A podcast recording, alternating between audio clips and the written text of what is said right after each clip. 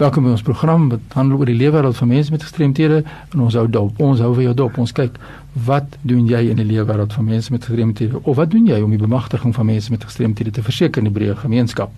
Verlede week het ek gesels met Erika de Tooy en sy is vandag weer hier by my. Erika, welkom. Dankie Fani. Lekker om jou te gesels. Ons kyk Maart soos ons sê elke jaar dwars oor die wêreld kyk ons na gehoorverlies, maar ons moet sommer enige enige maand moet ons kyk na gehoorverlies. Moenie net elke keer jaarliks maart maand wat daar na vore toe kom nie, maar 3 maart is amptelik die internasionale dag vir gehoor verlies en gehoor en ons werk rondom dit. Nou verlede week se program met Erika vir ons mooi verduidelik hoe dit so belangrik is en hoe mens gehoor moet beskerm en in die werkplek in die geraas wat ons blootstelling kry ongevraag en kan ons gehoorverlies enigstens verhoed. Hoe sal jy sê Erika, wat is daar in plek by julle by die vereniging Weskaapse Vereniging vir persone met gestremthede. Fanny, daar is definitief maatreëls in plek om mense gehoor of althans die gehoor verlies te verminder yes. of jou jou ja. risiko daaraan om te verminder. So as ek nou dink aan al die verskillende plekke waar daar harde klanke is, eintlik geraas as 'n mens uitgaan om te eet by 'n restaurant, is dit gewoonlik so so hard. 'n Mens kan nie skaars hoor wat die persoon oorkant jou sê nie. En dis nie te sê dat 'n mens nie moet uitgaan om te eet nie, maar probeer dan om 'n stiller plek in 'n restaurant te kry om jou blootstelling te verminder.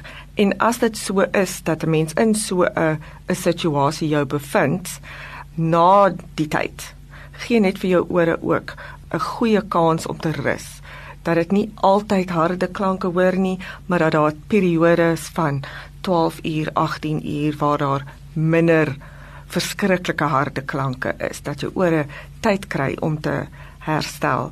As dit nie daai tyd kry nie, kom dit op 'n punt waar die herstel nie meer kan gebeur nie en dit is waar die gehoorverlies nou inkom. Wat sê ons vir die kinders? Wat sê ons vir hulle? Moenie so hard luister na daai musiek nie. Moenie na harde musiek opsit nie en wat gaan die kinders doen? Hoe beïnvloed ons die kinders? Moenie weet jy dis op so 'n skaal dit mens kan luister na harde musiek maar nie vir baie lank nie en beslis nie vir ure aan een nie ek onthou toe ek jonk was en ek sit my radio bietjie hard daai jare het ons nie iPods gehad nie en my maat geklop aan die deur en gesê sit die musiek sagter wil jy doof word? En ek het altyd gedink sy maak 'n grap sy wil net nie die harde musiek hê nie en ek is seker daar's mamas wat dit nou nog sê.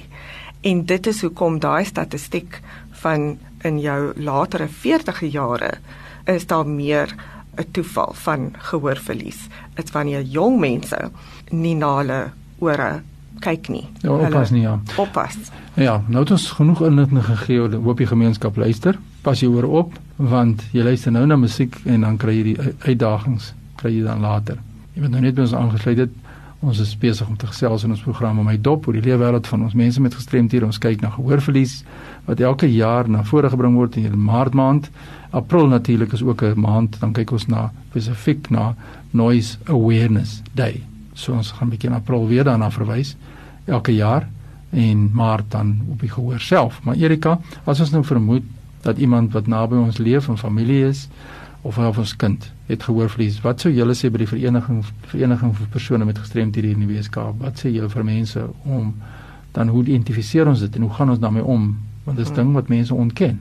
Dit is beslis en dit is die heel belangrikste dat die persoon wat dit ervaar, dit moet erken. Mm. Daar is baie min wat die familie kan doen om die ou te sleep na 'n audioloog toe, maar daai persoon moet dit self erken dat daar wel verlies is.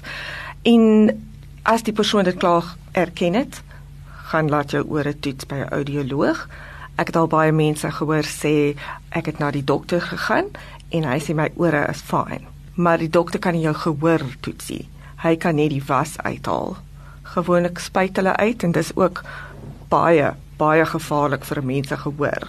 So dit is die eerste stap na erkenning is om jou gehoor te toets by 'n gekwalifiseerde audioloog ons kan ook mense verwys na audioloog naby hulle.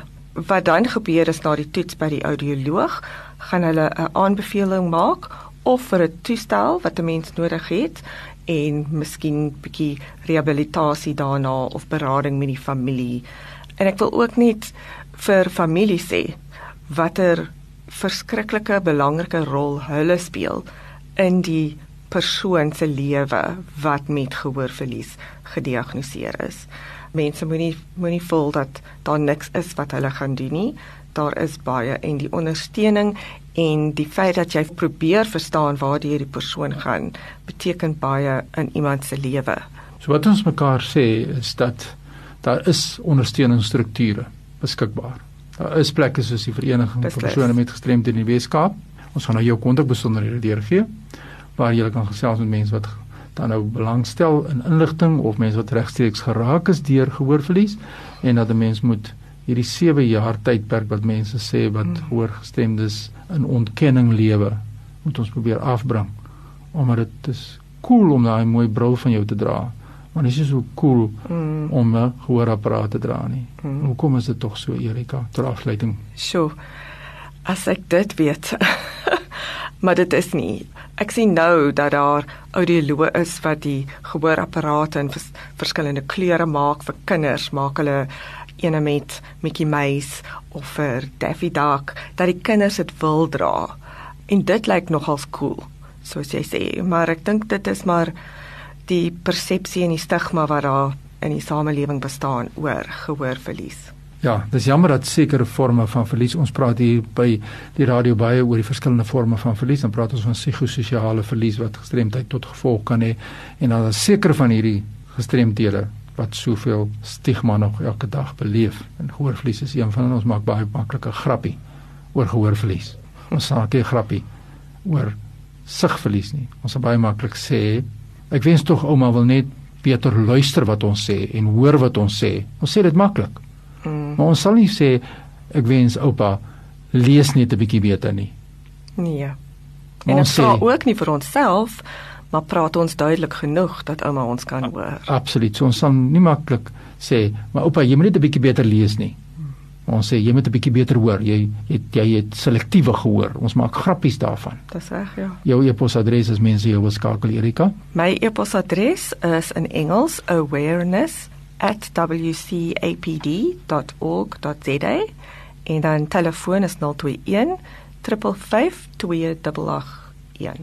021 552 2881. Ja, dis die kontakbesonderhede van Erika de Toey. Sy is betrokke by die Wes-Kaapse Vereniging vir persone met gestremthede. Indien jy na vore wil kom jy wil graag meer inligting oor gehoorverlies, dan kry stuur 'n e-pos, maak nie saak waar jy jouself bevind nie en Erika sal vir jou die inligting kry.